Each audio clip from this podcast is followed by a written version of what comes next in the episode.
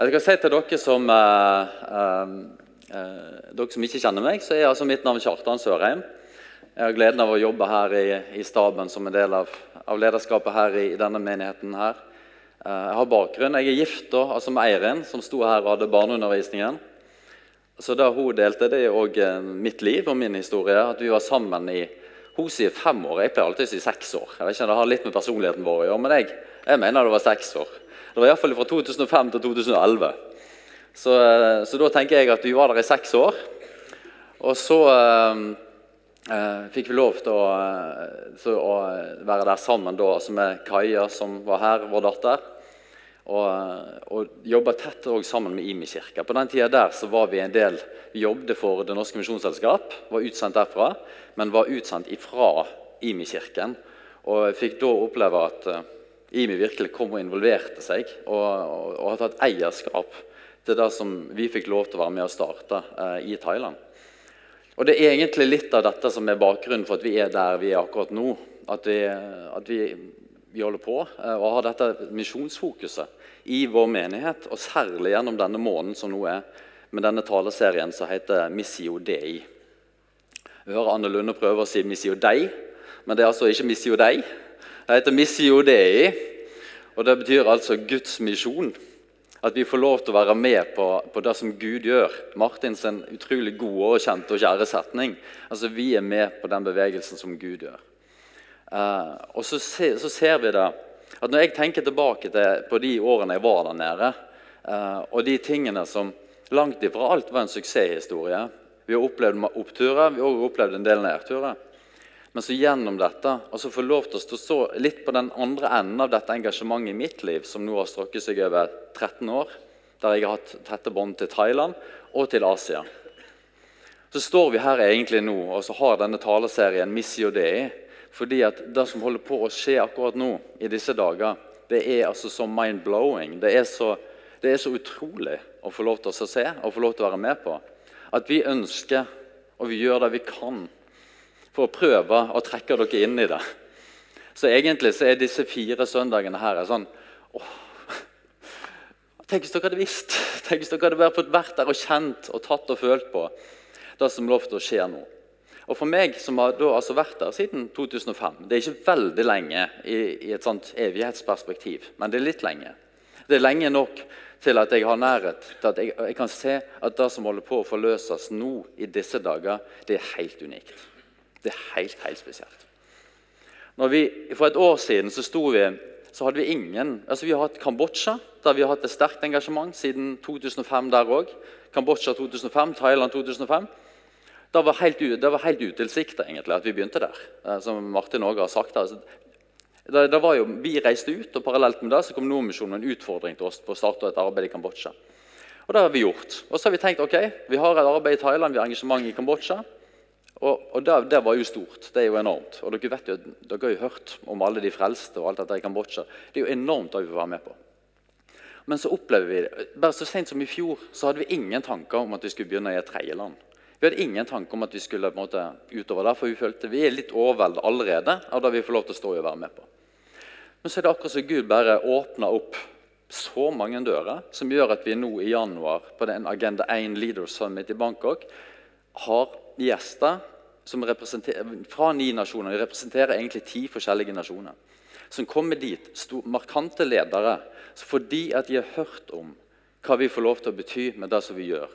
Og de ønsker å få del av det. Del i det. Og folkens, Dette her som vi får lov til å oppleve bærer bære som frukt, og er så etterspurt der ute, det er skapt her, det er født her. Det er dette fellesskapet vårt som har fått lov til å føde dette sammen som menighet, som fellesskap. Og så får vi lov til å gå ut med det og gi det. Og vi ønsker, vi som stab, vi som Agenda 1, vi som internasjonalt arbeid i Imekirken, vi ønsker å bare si til dere dette er vårt, dere må komme og være med. La det være en sånn forsiktig introduksjon mens kollekten har lagt seg. Jeg har sånne hostekuler, så jeg passer på at de ikke kommer så ofte og drikker litt regelmessig. Vi har hatt noen uker. eller Hele staben har vært syke. og sånn. Men det, sånn er det. Det er godt å se at de fleste er på beina her i dag. Så Iallfall ganske mange. Så sånn er det. Uh, så vi, altså, og det vi opplever at det er ikke det, altså jeg, det kan kanskje høres litt sånn kjepphøyt ut når jeg står her og sier at det som vi har født sammen her, uh, det skaper frukt. Og det er så etterspurt. Men jeg skal, hele poenget med denne talen her i dag er å ta dere litt inn i det. Jeg kan, jeg, jeg kan ikke gi dere svar på, jeg kan ikke forklare hva som skjer iblant oss. Men jeg skal gi dere en undervisning som vi bruker der nede, og som egentlig beskriver veldig masse av vår holdning i møte med de menneskene som vi får lov til å trene. For vi, Det primære vi gjør, det er litt sånn som dramastykket her viste. Vi kommer ned og vi trener ledere. Vi jobber sammen med etablerte kirker. Og det som folk blir så begeistra for at vi deler, det er ikke at vi kommer ned og gir dem svaret. Vi kommer ikke ned og gir dem løsningen på hva de skal gjøre. På how to. How to build a church like Image Church. How to. Det er ikke sånn vi gjør det. Vet du hva? Det Gud har lagt på vårt hjerte, det er å reise ned og så hjelpe folk til å få øye på hva har du Hva har du allerede i din menighet? Hva har du i ditt liv? Og hva gjør du med det? Det er noen av kjernespørsmålene i vår virksomhet. Og I det så ligger det en enorm tillit og en anerkjennelse av det. For vi sier vet du hva? Vi er ikke svaret for din nasjon. Du er svaret for din nasjon. Og Gud han har betrodd deg med sine løfter i ditt hjerte for at du skal kunne gå på det. Og så skal du vite at du elsker. Sånn som vi hørte her, han som, han som eh, pastoren som Jeg ønsker ikke å være pastor lenger, jeg ønsker å være far. Jeg ønsker å være en far og elske denne menigheten her. Vi tror vi er kalt til nettopp dette. La folk få lov til å kjenne at de elsker. Og når de kjenner at de elsker, så forstår de at de er verdifulle. Ikke ut ifra en plikt, men ut ifra et hjerte som responderer på mottatt nåde. Og det er det vi får lov til å se. Vi får lov til å jobbe mot de sterke kreftene i disse kulturene av en fattigdomsånd og en fedreløs ånd. Det er noen av de store tingene som vi får lov til å være med og, og rett og slett, vi, vi, bryter det ned i Jesu navn. altså. Dette skal, dette skal ut det skal ikke, skal ikke ha plass iblant oss lenger. Så når vi kommer ned og sier at vi er ikke så opptatt av hva du trenger, men hva du har, så ligger det ikke i den neglisjering av de tingene der vi faktisk er veldig skjevt balansert i forhold til, til materielle goder og ting vi faktisk trenger i våre eh, basic needs. Det er ikke det vi adresserer. Det er klart vi skal dele av de tingene. Men vi adresserer nettopp dette at vet du hva? Selv om du kanskje er fattig i det materielle, så er du så rik i det åndelige. For du har alt du trenger. Det er Guds løfte over ditt liv. Det er kanskje ikke hva omstendigheten sier om ditt liv, men det er Guds løfte over ditt liv. At du har alt du trenger. Hva gjør du med det? Og så sier vi vi kan godt gå sammen med dere. Skal vi gjøre det? Du trenger ikke bli medlem i noen ting. Kan vi få lov til å være din venn? Kan vi få lov til å be om ditt vennskap? Og så går vi sammen. ikke det nydelig? Det syns jeg. Nå skal jeg dele med dere en av de kjerneundervisningene. som Fra første stund når vi kom til Thailand, så begynte jeg å jeg ble leder mot denne her undervisningen så, og dette verset, så dere kjenner det veldig godt. Eh, for det sier så utrolig masse om Jesus, det sier så masse om oss. Og, og det sier så masse om disse tingene her. Eh, for det dreier seg ikke om hva du trenger, men hva har du? Hva gjør du med det? Jeg skal bare full fart ta dere gjennom en tekst i Matteus 14. Um, vi, ikke, vi, skal ikke lese det, jeg skal ta dere gjennom det. Dere kjenner historien. Det er når Jesus mette 5000 ved hjelp av uh, to fisker og fem brød. Dere kjenner historien. Jeg skal bare gi dere litt mer rundt den historien der, så skal vi trekke ut noen sannheter av det. Jeg vet ikke om dere kjenner til inngangen til denne historien i Matteus 14. Den er litt spesiell inngangen til, Matteus, til, til at Jesus metter 5000, det er at Jesus' sin slektning, nære venn, døperen Johannes, er blitt drept. Han er blitt halshogd på en grotesk måte. Jesus er i dyp sorg. Han har akkurat fått meldingen om døperen Johannes sin død. Så Jesus han er, han er i dyp sorg. Og han kjenner på én ting han trenger nå. Han trenger å gå over alene sammen med sine nære og gå på fjellet og søke sin far, sånn som han alltid gjorde. Han trengte å komme seg vekk. Det tror jeg vi kan kjenne noen av Vi trenger å komme oss vekk når sånne ting eh, inntreffer. Jesus er i dyp sorg. Eh, så står det her altså, ja, eh, Men så når Jesus fikk høre om det Dette står i vers 13 eh, og så utover.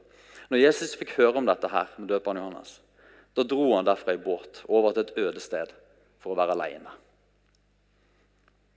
Men altså, Jesus var Jesus, så folk fikk greie på det. Og Fra byene fulgte de etter han til fots. Og Da han gikk i land, så fikk han se denne folkemengden. Og så står det her at midt i sin sorg, midt i det som var dypt, dypt mørke i Jesus, så fikk han en inderlig medfølelse med dem. Og han helbreder de syke blant dem. Det er Jesus sitt hjerte. folkens. Han er i dyp sorg sjøl. Han har egentlig behov for å komme og være alene. Men så stopper han opp, og så får han en inderlig medfølelse med disse menneskene. Og så tar han og stopper opp, helbreder alle de syke blant dem. Og Så ble det kveld, sant? og så ble de sultne. Og så hadde de sikkert fått, hatt det så bra der at de hadde glemt tid og sted. Og alt sammen. Og så begynner dette her at de har ikke mat. Så begynner de trivielle problemene å komme. Og Da sier Jesus at eh, nei, dere trenger ikke gå herfra. Selv om eh, disiplene de maser ah, vi har ikke penger, vi har ikke mat. Vi må sende dem hjem. Så sier Jesus nei, ikke send dem herfra, for dere skal gi dem mat. Og Så skal jeg komme tilbake til den historien, altså, men da skjer det jo et under der. Og så så gir Jesus dette brødunderet. Og så, etterpå det, så gikk han opp. Og så synes jeg Det er så fascinerende når han har gjort det. Straks etter så fikk han disiplene til å gå i båten og dra i forveien over til andre sida, mens han sjøl sendte folk av sted. Ikke det er fascinerende? Har du ikke lagt merke til det? Tenk, tenk Jesus, altså. Han, han, tok, han møtte dem med en sånn compassion, en sånn lidenskapelig kjærlighet. Og så har de opplevd disse her, Alle har blitt friske, alle har opplevd brødundere, de har fått rikelig med mat. Og Så sier Jesus bare dra i forveien, dere. Jeg skal, jeg skal på en måte si ha det. Jeg. Jeg skal ta meg av dem. Bare gå. Jeg fikser det. Og Så sender han de av gårde, så han avskjed med dem. Alle disse her 5000 pluss kvinner og barn. 10 000 kanskje. Ganske mange. Det, Så sender av gårde. Og så reiser han på fjellet og så er han alene med far. Så reiser han opp på fjelltoppen. Og så tenker jeg så får han tid til å bearbeide sin egen sorg. Og så kommer han, og så er Det så fascinerende med denne historien her, at når han kommer ned igjen da, Dette her må jo vært en utrolig dag for disiplene. For der, der, kommer, der har de opplevd altså Alle har blitt friske. og Så, alle blitt, uh, så har de fått denne maten her, så sitter de i båten der og over der uh, på andre sida. Og så mens de sitter der i båten, så kommer Jesus gående til dem på, på sjøen. Så går han på vannet for å ta det igjen. For en dag! For en dag, folkens. Hæ?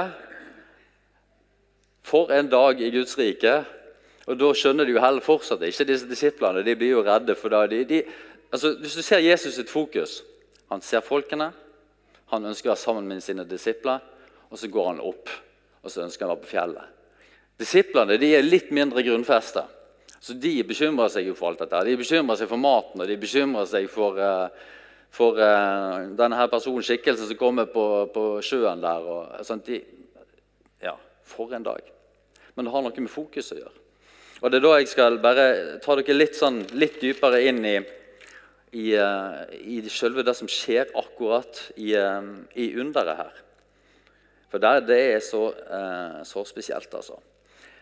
For Når Jesus han, gjør brødunderet, så sier han til dem altså, disiplene, disiplene sitt fokus de er bekymra. De ser på omstendighetene som tilsier at vi har ikke det vi trenger. Vi har ikke det vi trenger, vi har ikke mat, vi har ikke penger. bla bla bla.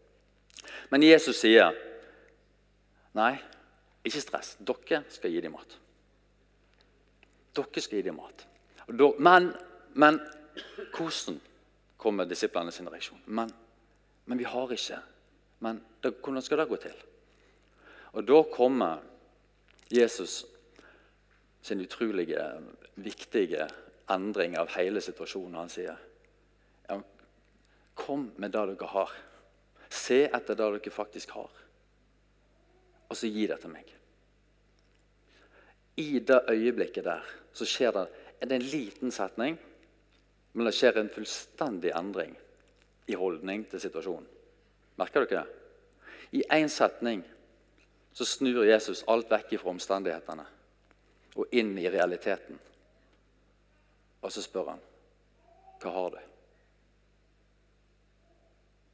Er du med på det? I ett øyeblikk, i én setning, så vendes det fra alt du ikke har, alt du mangler, alt som tilsi at dette her mislykkes, til at han ser en mulighet. Og disiplene får en annen tanke. Istedenfor å tenke på hvordan de skal sende folk hjem akkurat der og da, så begynner de å tenke hva har vi? Og så tror ikke jeg at de er sånn forferdelig stolte i det øyeblikket de finner ut hva de har. Jeg tror ikke det er på en måte et sånt halleluja-øyeblikk når de får øye på hva de har. Men det er et nøkkeløyeblikk, for de begynner å lete etter det. Og så er det én ting til som er nøkkelen, for Jesus sier én ting til. Ok, du føler kanskje ikke dette her er mye, men gi det til meg. Kom og gi det til meg. Våre nøkkelspørsmål når vi får lov til å komme til Asia og dele vårt hjerte, så er det dette. Å hjelpe folk til å endre dette fokuset. Hva har du? Og Hvis du opplever at det er lite, så ikke tenk så mye på det. Tenk på én ting. Hva gjør du med det? Hva gjør du med det? Kom til meg. Kom og gi det til meg. Og så vet vi disiplene de har noen forhold her. De stiller de dumme spørsmålene. De kommer med det de har. Og etter at Jesus har gjort underet, så får de lov å gå og dele det ut. Og så er det en rik overflod. Er ikke det nydelig? Og Det er den overfloden også som er så fascinerende. Og det er her det er noe med Guds rike. Disiplene de tenkte jo ikke på hvordan de skulle få mat engang. Det var ikke i deres tankebane at de skulle klare det. Deres eneste tanke var å få dem vekk, få dem hjem, så de kan spise. Jesus' plan var ikke bare at de skulle ha nok, men at de skulle ha en overflod. Og Dette faktumet at de faktisk endte opp med tolv korger eller noe sånt til overs Hvorfor i all verden? Og vet du hva? Han er så grenseløst god. Og hans gaver til oss er så ufattelig mye større enn det vi tør å be om engang. Han har så store tanker. Han har så mye på lager for oss. folkens.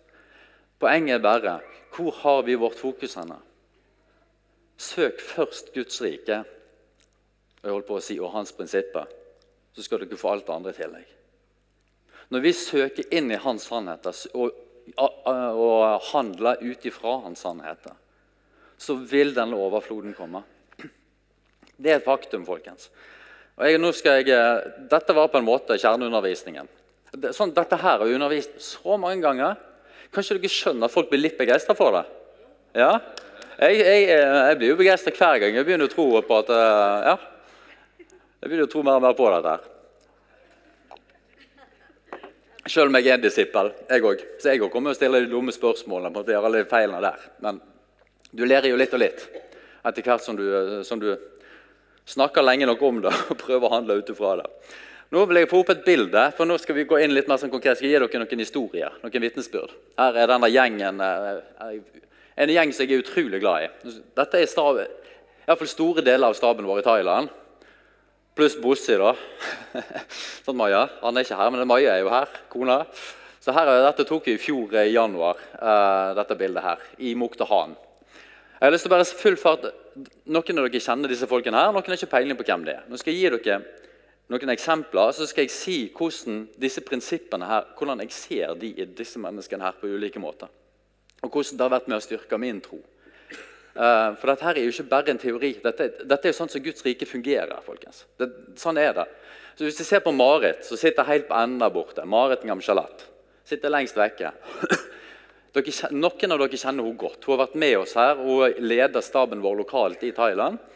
Eh, og Hun uh, har vært med oss på Åpen himmel og underviste der, talte der for uh, et år siden. Og har òg vært her i huset mange ganger. Er jo, ja, hun er jo en av oss. Hun, ja, vi er jo familien hennes. Uh, den dama der skal, Hvordan hun eksemplifiserer det jeg nå snakker om, er jo bare helt unikt. Den dama der hun reiste altså til Thailand på slutten av 90-tallet som backpacker sammen med sin bror. Denne historien har dere hørt noen ganger. Men hun, hun reiste der som backpacker med slutten, eh, sammen med sin bror. Rundt, ja, backpacker Nei, hva er det? Det er en som reiser rundt uten mål og mening med sekk. utgangspunktet. Men Marit reiste ikke uten mål og mening. Men, men, hun, jo, jo, men hun, hun, trodde på en måte at Gud hadde, hun var helt åpen. Gud, hvis du har noe for meg her nå, så vis meg det. Hun reiste med den holdningen og med det hjertet. Og Så reiste hun ned til, eh, til Thailand og kom til både Thailand Laos og kjente Gud, her har du noe for meg. Og Så kom hun til Laos og så kjente hun bare det at eh, jeg aner ikke hva det er for noe, men du har noe for meg i dette landet. her. Backpacker, ung tenåring, eh, reiselivskonsulent. Hun sier sjøl jeg, kunne, jeg kunne ingenting. Jeg, jeg kunne ingenting, sier hun. Men jeg hadde to tomme hender, og så hadde jeg et ville hjerte. Og så ønsket jeg å gi det. Eh, men opplevde, Hun opplevde jo sjøl ikke at hun hadde så mye å gi, men hun opplevde veldig sterkt at Gud hadde kalt henne til å være der. Og Så er hun der. Og Så går hun til myndighetene og så går hun først rundt og ber i noen måneder rundt omkring i byene. og reiser tilbake da, Etter backpackerturen hjem igjen så reiser hun tilbake alene og så sier til familien jeg opplever Gud har kalt meg til å være her. Jeg aner ikke hva jeg skal gjøre, men jeg er nå her. Og så går hun rundt omkring i gatene i Savanaket, så rett over broa i forhold til Muktahan, som dere så på kartet, der vi bodde. Så går hun der og ber. Og ber for byen. og ber, kjære, Gud, eh, hva vil du at jeg skal gjøre? Så gikk hun rundt der, og så, så ba hun. sant? Et ville hjerte, men helt tomme hender. Og så ender hun opp inne på skolekontoret. Det er jo Myndighetspersonene der får beskjed ja, vi trenger ja, så er det for broren som var det. Jeg er dårlig jente. Altså, det, var, det var broren hennes som sa jeg tror du skal hjelpe dem med skole. For da kan bygge framtida til folket. Og Så går hun på skolekontoret og så spør hun, hva kan jeg hjelpe dere med. Og Så begynner de en samtale ut ifra egentlig ingenting. Kun ifra et, et hjerte som hadde lyst til å bety en forskjell. Dette var på slutten av 90-tallet. Denne dama med dette utgangspunktet har nå vært med og gitt to, jeg tror det er ca. 2000 barn skolegang nå, ikke ellers hadde hatt muligheten til skolegang. Hun har vært med å gi lærere til landsbyer som ikke hadde skole. Fordi at de hadde ingen lærere. Det, så, det er så langt inn i bushen at det var ingen av disse her, uh, disse her uh, hva det heter for noe, urbane eh, lærerne som på en måte kommer fra byene, som takler å leve der ute. Marit har vært og hente inn i landsbyene der oppe, langt inn i Gokk. Jeg har vært med inn i selv. Ikke veier det ingenting. Så går hun til landsbyen og spør hun, hvem her har dere, hva er gull i deres landsby? Hvem har dere i denne landsbyen her som dere tror kan komme til å bli en god lærer her om noen år? ikke det er et genialt spørsmål? Så henter hun ut noen av deres egne. Gir de, skole, gir de skole, gir de lærerutdanning og sender de tilbake som utdanna lærere til sine egne ikke det er en genial metode? Det er helt fantastisk. Og Dette her gjør så stort inntrykk på myndighetene. og Jeg, jeg skal bare oh, herlighet. Jeg skal bare si uh, ja. Nei, jeg klarer ikke å holde tida i dag. Men, men, uh, men uh, så, ja, Det gjør så stort inntrykk på myndighetene. Dette er et kommunistisk land. husk det. La oss et kommunistisk land. Så Hun ble invitert nå rett før jul på en stor samling i hovedstaden Vientiane for å dele eh, om arbeidet til School Support Laos. Overfor alle guvernører i hele landet, og det er ministre som inviterer til møte. Og du kan se etterpå Når de har sånne gruppebilder av hele det store, veldig, veldig viktige møtet, så sitter Marit sammen med noen av disse her høye herrer midt i bildet der og smiler. Og får sånne skussmål vet du, tilbake. Fordi at du har kommet her med en sånn respekt for landet vårt. og Du har virkelig bygd oss og virkelig gitt oss det vi trenger. Og, dette her, og Det veldig spesielle her er at rett For et par uker siden så ringte Marit meg og så sa nå har skjedd noe veldig spesielt der. Faktisk, altså vi, vi, må jobbe masse med visum. og sånt. Det er litt kronglete å komme seg til Laos, fordi det er jo et kommunistisk land. og det er ganske lukka. Men så sa hun da, plutselig har jeg fått melding om at for nordmenn, svensker, finner og dansker så ikke, trenger, de vil ikke kreve visum av oss lenger. Vi får lov å reise fritt så mye vi vil inn og ut av Laos. Og Det er jo utrolig interessant. Hvorfor i all verden er det sånn? Og Så, så undersøker Marit litt på dette. her, Så får hun rett og slett melding om at grunn, veldig stor grad pga. det inntrykket som School Support la oss ha gjort, så har de valgt å gjøre dette som en ettårig prøveordning, som en gest til oss. Er ikke det helt vanvittig, folkens? Hæ? Er ikke det helt vanvittig? Dette, dette er Marit som sitter der. I tillegg til dette så leder hun staben vår i Thailand. Der, men hun reiste ned der. Kjære Gud, jeg har ikke så mye, men jeg gir alt jeg har til deg. Og så kan dette skje. Er i ferd med å transformere en kultur i et land. folkens. Det er helt enormt. Man, hadde, måten jeg ble kjent med henne var at hun, hun var sånn praktisk tilrettelegger for oss når vi kom ned til Thailand. Hun var praktisk tilrettelegger for oss. Hun henta inn en stab som bygde opp en språkskole for oss. for Vi skulle være misjonærer og jobbe på språkskole. Og, vi, og, De mente vi trengte hushjelp og de mente at vi trengte barnehage. og alt dette her. Og så Da fant hun disse folkene her. Marit ba. Hun ba til Gud. Eh, vis meg de rette folkene som skal komme inn og få lov til å, å, å tjene disse misjonærene. Og vet dere hva? Vi fikk så ufattelig mye mer enn en lærer, en barnehagetante, en, uh, en, språklærer. I dag så sitter de her. Vi kan se på Dick som sitter helt ytterst til høyre her med briller. Hun er språklæreren vår. I dag så er hun en som virkelig bærer det til å bringe folk inn i Guds nærvær. Hun var ikke en troende. Hun fikk en tro. Og vi fikk lov til å se gullet i hennes liv helt fra begynnelsen av. Og hun har fått lov til å vokse nå til en sterk leder. Hun som sitter nummer på andre sida av bordet, hun nummer to til venstre der. Uh, nei, til høyre. Eller til venstre. hun med den blå lange armen. Penn, hushjelpen vår.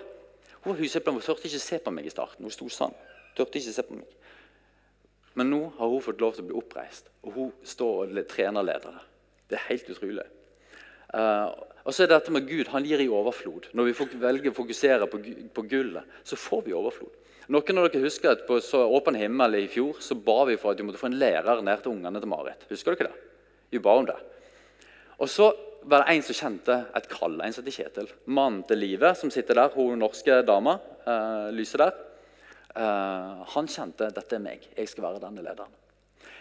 Og så Ut ifra dette kallet som han responderer på, så han handler på, er lydig De reiser, de vet, ikke, de vet ingenting om Thailand, men de, de finner ut ok, vi skal reise, vi skal bo i Thailand. Så Gud han sender i tillegg Live, da, som har vært, den, vært med å flytte Agenda 1 til Tromsø, og har erfaring med det fra Tromsø nå i mange år, og kan verktøyene våre inn og ut. Og Hun reiser ut der som kona til han læreren vi ba om. Forstår dere? Gud gir så ufattelig mye mer.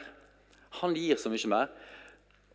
Og så får vi lov til å Og så I tillegg så har hun en mastergrad som går på dette å, å flytte konsepter mellom kulturer. Gud har virkelig gode planer. Han, han, vet hvordan han skal velsigne sine folk. Poenget mitt er bare å illustrere at vet du hva? vi må få øye på hva vi har. Vi må få øye på gullet i våre liv. Og så må vi være Hva gjør vi med det, folkens? Dette har vært en kamp i mitt eget liv òg. Det er ikke en selvsagt ting at jeg kan stå her og snakke til dere i dag. Jeg, jeg har hatt en trygg oppvekst, en trygg bakgrunn på mange måter. Eh, men samtidig så har jeg hatt mye utrygghet i meg. Jeg har, hatt, eh, jeg har slitt for med sceneskrekk i 20 år. Nå har det begynt å slippe taket. Men den vandringen der, å skulle våge å tro på at jeg kunne få lov til å bety noe som helst for grupper av mennesker vet du hva, Den var så fjern for meg for 20-25 år siden. Du vil ikke tro det. Hvor mange T-skjorter jeg har svetta ut. og hvor mange, altså det, er bare, det er bare helt ubegripelig. Altså Hvor god Gud er, og hvordan han sender folk til oss som hjelper oss å få øye på gullet i våre liv. At, at Gud ga meg Eirin, denne fantastiske kona, at jeg fikk denne menigheten her. At jeg har fått Martin og Steve og Irene. Og at jeg har fått alle disse tro, folkene som kommer og har tro på meg. Og så sier jeg, Kom an. Der har du noe gull. Der har du noe gull. Kom igjen. Gå inn på det. Det jeg prøver å si, det er at vet du hva, i denne menigheten her så får vi lov til å møte noe som virkelig er med å, å løfte dette opp iblant oss. Og Når vi reiser ut der, til Asia, så får vi lov til å gi videre noe av den kulturen som vi sammen som fellesskap og som menighet har fått lov til å være med å bygge. Det er noe som du er med på. Så en av mine sterke ønsker og sterke bønner Se hva vi har. Se hva Gud har gitt oss her i dette huset. her. Få øye på det og vite at dette her er spesielt, folkens. Jeg er så stolt av dere. Jeg er så stolt av å være en del av denne menigheten. her. Og jeg er så ubegripelig stolt av å reise ut og få lov til å gi det videre. Jeg tok også opp dette bildet her fordi det illustrerer et annet poeng. Når vi reiser rundt og underviser eh, om disse tingene jeg nå har snakket om, blant annet, så er dette et bilde. så husker når Martin kom ned første gangen til Thailand. Det gjorde inntrykk på meg allerede da, og du har gjentatt det gang etter gang etter gang. Bordet er dekka. Kom og spis. Ta det dere vil ha. Hvis dere liker maten, så kom igjen og spis mer. Hvis dere ikke liker maten som vi serverer, så gjør det ingenting. Gud velsigne deg. Dette er et godt eksempel. Vi har forberedt noen retter. Vi har fått en del å forvalte i denne menigheten. her, og Da må vi ta på alvor. Vi reiser ut, og så serverer vi det. Så dekker vi bordet. Og når, I billedlig overført betydning så kan dette også være et symbol på at vi får lov til å sette rette foran det asiatiske folk. Og så kan de få lov til å spise. Og så kan de få lov til å ta vare på det som de opplever virkelig bygger, og som gull deres, blir eh, foredla gull i deres liv. Dette er en kultur som vi har fått lov til å bygge her i menigheten. Og jeg har lyst til at Siri, kanskje du kommer opp her. Eh, kan hun få mikrofonen din, Stiv? Uh, som et eksempel på at dette her er noe som lever iblant oss i dag. Uh, som vi får lov til å høste av. Så, det, så, gjorde det veldig inntrykk på meg Siri, når vi hadde internasjonalt styre. Vi deler mange vitnesbyrd når vi har internasjonalt styre. Siri er en av de som er med der. Uh, og, og så det, Vi klyper oss i armen hele veien. Å, herlighet, for vi virkelig lov å være med på dette. her, For Det er så mange sterke historier. Det er så, mange, det er så mange inntrykk. Denne gangen her så gjorde Siri sin historie veldig inntrykk på meg. for Hun delte et vitnesbyrd som jeg spør, med en gang spurte kanskje du bare komme og dele det på denne gudstjenesten. Så kanskje du gjør det, Siri? Mm. Uh, jeg jeg syns egentlig hele mitt voksne liv så har det med å dele tro har vært litt vanskelig, faktisk. Uh, og enda vanskeligere blir det da når en går gjennom menigheten. Fordi at det nettopp er snakk, veldig mye snakk om det. Eh, og så har jeg nok egentlig kanskje sånn eh, bare lata som ingenting, men innerst inne så har jeg egentlig alltid syntes det har vært litt vanskelig.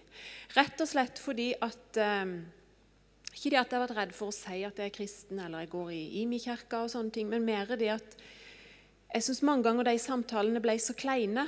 Ofte så ble det diskusjoner. Eh, kanskje på homofili, på synd. altså Det ble så mye sånn, og så fikk ikke jeg eh, sagt eller formidla egentlig hva troa betyr for meg. Fordi at det med å leve sammen med Jesus det må jeg si, det er den største skatten jeg har i livet.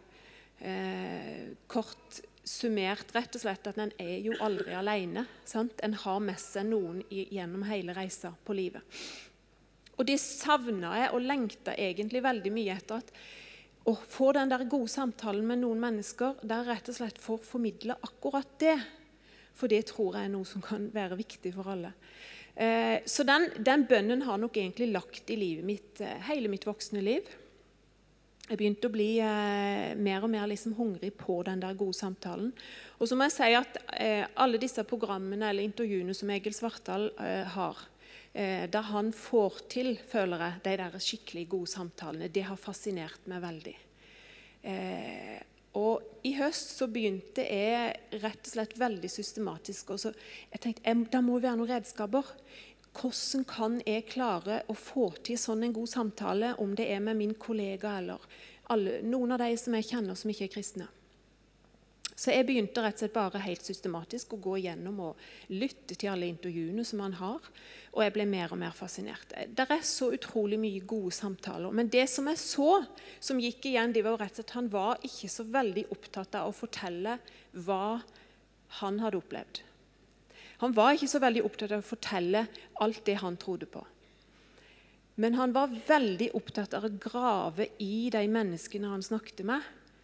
Hva er der av troshistorie i det mennesket? Om du så bare et bitte lite fnugg av et støvfnugg av noe tro som kunne ligne på tro, så følte jeg det var det han var opptatt av å grave i.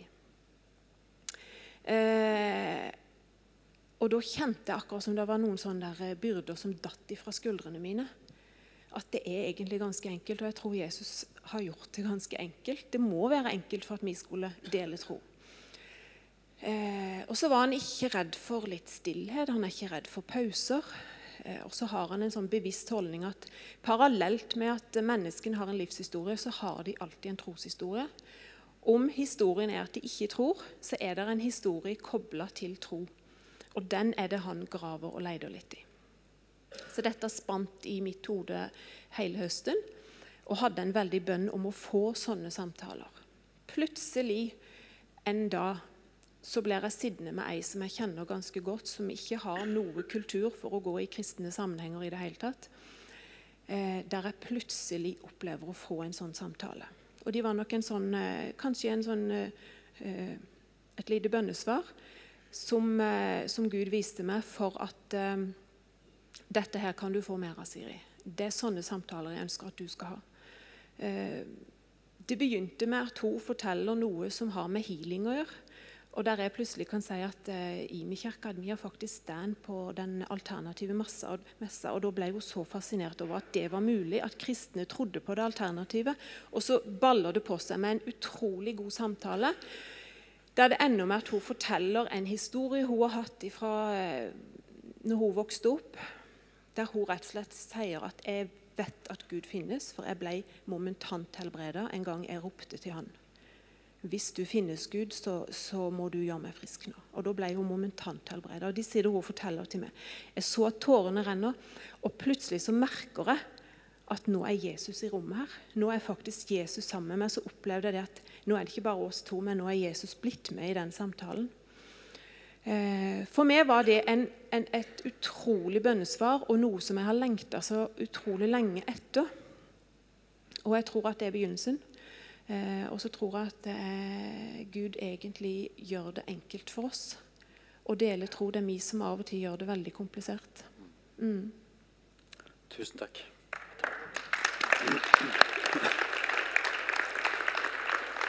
Tusen takk, Siri. Tenk deg på lag med sånne folk. Noe av det som Siri viser her, altså, både det at du begynner å lete etter gull i andre sitt liv, men at du òg får øye på gull i sitt eget liv. Hun er jo en av de som virkelig går foran og har modellert eh, det internasjonale arbeidet vårt òg. Reiser til Kambodsja ofte for å trene ledere der nede. Så, men så er det òg dette som Siri viser. Her, vel, hva gjør du med det? Sant? Hun er så målretta. Sånn, jager etter altså, Kjære Gud, dette vil jeg ha mer tak i. Sant? Og så, så, går hun etter systematisk. Bare etterjager det. Det imponerer meg, Siri, og det, det oppmuntrer meg så veldig. Og at vi får lov til å være en del av denne kulturen. Eh, så tusen takk. Og Dette her er et faktum for deg òg, eh, og det er, det er, jo kanskje mitt poeng her nå. Altså. Folkens, Dette som vi snakker om nå, det er et prinsipp, det er et gudsrike-prinsipp. Dette med gullet i menneskets liv. Og det er noe som vi får lov til å forvalte her. Jeg spurte Siri om det. Det hadde ikke vært så lett for deg å være så intensjonell på disse tingene hvis ikke du hadde hatt denne familien som levde i det. Og da bekrefta hun. Og det er noe med det. Må, vet du hva? Denne kulturen må vi bare fortsette. Vi må se etter gullet i hverandre. Vi må anerkjenne hverandre og løfte det fram. Og så skal dere også vite det, at i og med at For oss, når vi driver og reiser rundt, det er ikke jeg og Terje og Martin og Irene og Stiv. Det er, ikke, det er ikke bare oss som kan reise rundt der. Vet du hva? Sånn som Terje snakket om på forrige søndag. Vet du hva? Nå er det, nå er det så fullt i garnet her, folkens, at vi trenger at dere er med på ulike måter. Vi trenger at dere bare girer opp noen hakk for å være med ut.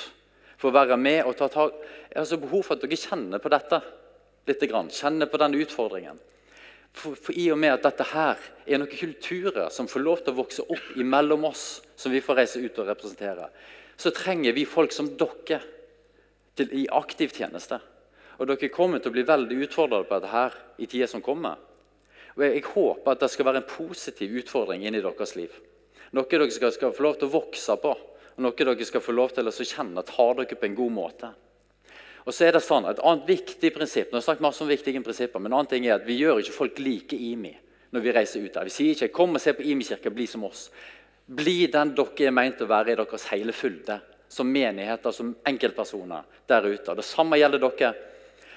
Gud kaller dere til å leve ut hele det enorme potensialet han har lagt ned i dere et enormt potensial som ligger i hver eneste ene av dere. Når dere hører på Marit sin historie Alle skal ikke gjenta det, og ingen kan gjenta det. Ingen kan repetere det. Ingen kan bli Marit. Ingen kan bli Stiv. Ingen kan bli Martin. Ingen kan bli Irene. Ingen kan bli Kjartan eller Eirin. Det går ikke an. Og heldigvis. Vi trenger ikke flere av oss. Men vet dere hva? vi har noe her som er vårt, og som vi må gå på. Og så skal du få lov til å bli alt som Gud har lagt ned for deg. Og så skal vi få lov til å gå sammen med deg og hjelpe deg til å vokse inn i det. Jeg så, liker så godt denne historien med David når han klinker til Goliat. Altså han på en måte den han eh, sier nei, jeg vil ikke ha den eh, rustningen til Saul. Han passer meg ikke. Så går han imot alle de der forventningene der, og så finner han fram hva det du har. Hva er dine fisker, hva er dine brød? Og dette er mine fem steiner. Sjøl gikk jeg med fem steiner i bukselomma i, eh, i mange år. Jeg bare sånn forminner meg på dette her. Nei, hva er dette, ja. Mm. Når jeg møter Martin Nei, jeg trenger ikke bli sånn som Martin. Jeg trenger ikke snakke sånn som Elling. Får ikke til de her vanvittig gode formuleringene. Altså, er jo, sånn er det bare. Men jeg, å, jeg har mine steiner. Dette er mine. Jeg har ikke de nå lenger. da. Men, eh, men jeg gikk med de flere år i bukselomma for å minne meg på denne sannheten. At du skal finne dine steiner, hvordan du skal klinke ned din Goliat. Okay? For Gud har gitt deg alt du trenger. Og Her er det faktisk ikke forskjell på noen av oss. Det er ingen aldersbetingelse, det er ingenting. Det er ingen kjønnskvotering. Dette her gjelder oss alle sammen, og vi må stå sammen i dette. her. Hva er dine steiner? Uh, så jeg vil bare få opp et bibelvers, Vi må vi gå for avslutninger, ser jeg. Men du, jeg vil at dere skal lese dette her sammen med meg. Jeg elsker disse versene, særlig det som står forut her. Jeg snakker om disse her òg altfor masse, men jeg elsker disse versene. Jeg leste de hver dag i flere år. Eh, Det står om hvordan vi skal bli fylt av hele Guds fylde og, i, og på en måte skal få bli rotfesta og grunnfesta i kjærlighet. For det er først når vi skjønner det, at alt er av nåde, at alt er av kjærlighet, at vi kan vokse med, på en sunn og god måte. Før vi forstår det, før vi står i den gode jorda, i kjærlighetsjorda, så er det ikke lett å vokse. For da blir det bare lydighet, og bare, da blir det et slaveri. folkens. Men du er, du er et barn, og du er elska. Og pga. det så skal du få vokse, og få vokse inn i noe som er så ufattelig mye større enn deg sjøl. For vi snakker om missio dei, vi snakker om Guds misjon, ikke vår misjon. Men så sier, ber Paulus over oss må dere bli fylt av hele Guds fylde. Han som virker i oss med sin kraft. For Det er ikke vår egen kraft, det er ikke oss, det er ikke et ork, det er ikke et strev. Det er ikke det som ligger foran oss, folkens. Selv det som ligger foran oss, det er svært, det er mye større enn oss sjøl. Så er det ikke vårt. Det er Han virker i oss med sin kraft. Missio det i oss. Og han kan gjøre uendelig mye mer enn det vi ber om og forstår. Og det er så sant. Det som skjer nå der ute i Asia, det vi får lov til, til å oppleve Kjære Gud, kanskje dere bare, dere må komme og se det. Jeg bare sier det en gang til. Det er så mye større enn det jeg kan klare å begripe, fatte og forstå. Uh, men det er hans. Og så er det det også at Når vi får lov til å være med på noe sånt, en sånn reise som man tar oss inn i, så er det ikke for å løfte opp meg. Det er ikke for at jeg skal få stå på en scene og så peke på meg og se. For jeg er ingen suksesshistorie. Jeg er en sånn helt medium disippel som har oppturer og nedturer. Akkurat sånn som oss alle sammen. Og det, det, Sånn er det. Sånn er livet. Uh, men vi gjør dette her ikke for å løfte opp oss sjøl, men Han være ære i Kirken og Kristus Jesus gjennom alle slekter og evigheter. Amen. Det er Jesus som skal få ære for alt det vi holder på med. Og det, det er av han. Han alene. Og til slutt, før jeg skal eh, ut, invitere dere til forbund, skal dere få se et skilt som dette her bildet henger på veggen hjemme hos meg. Alle disse, jeg, når jeg bodde i Thailand, jobbet for lutherske kirker ja, der fikk vi, se der. Der er det på skjermen. Dette bildet har betydd enormt mye for meg. Jeg printa det opp og ga det i avskjedsgave til alle, alle pastorene, de lutherske pastorene jeg hadde jobba med da, de årene. Alt av nåde. Alle disse menighetene, disse åtte menighetene som vi den gang jobbet med Nå jobber vi med 50-60, men da var det åtte. Eh, de fikk dette, og de kunne si 'alt av nåde' på norsk. For jeg snakket om det hele veien. Alt av nåde. Alt av nåde. Eh, så ble det 'alt av nåde'. nåde. Så ble det sånn. Men alt av nåde. Dette må vi gripe, folkens. Alt er av nåde. Til og med våre gjerninger, til og med vår vekst.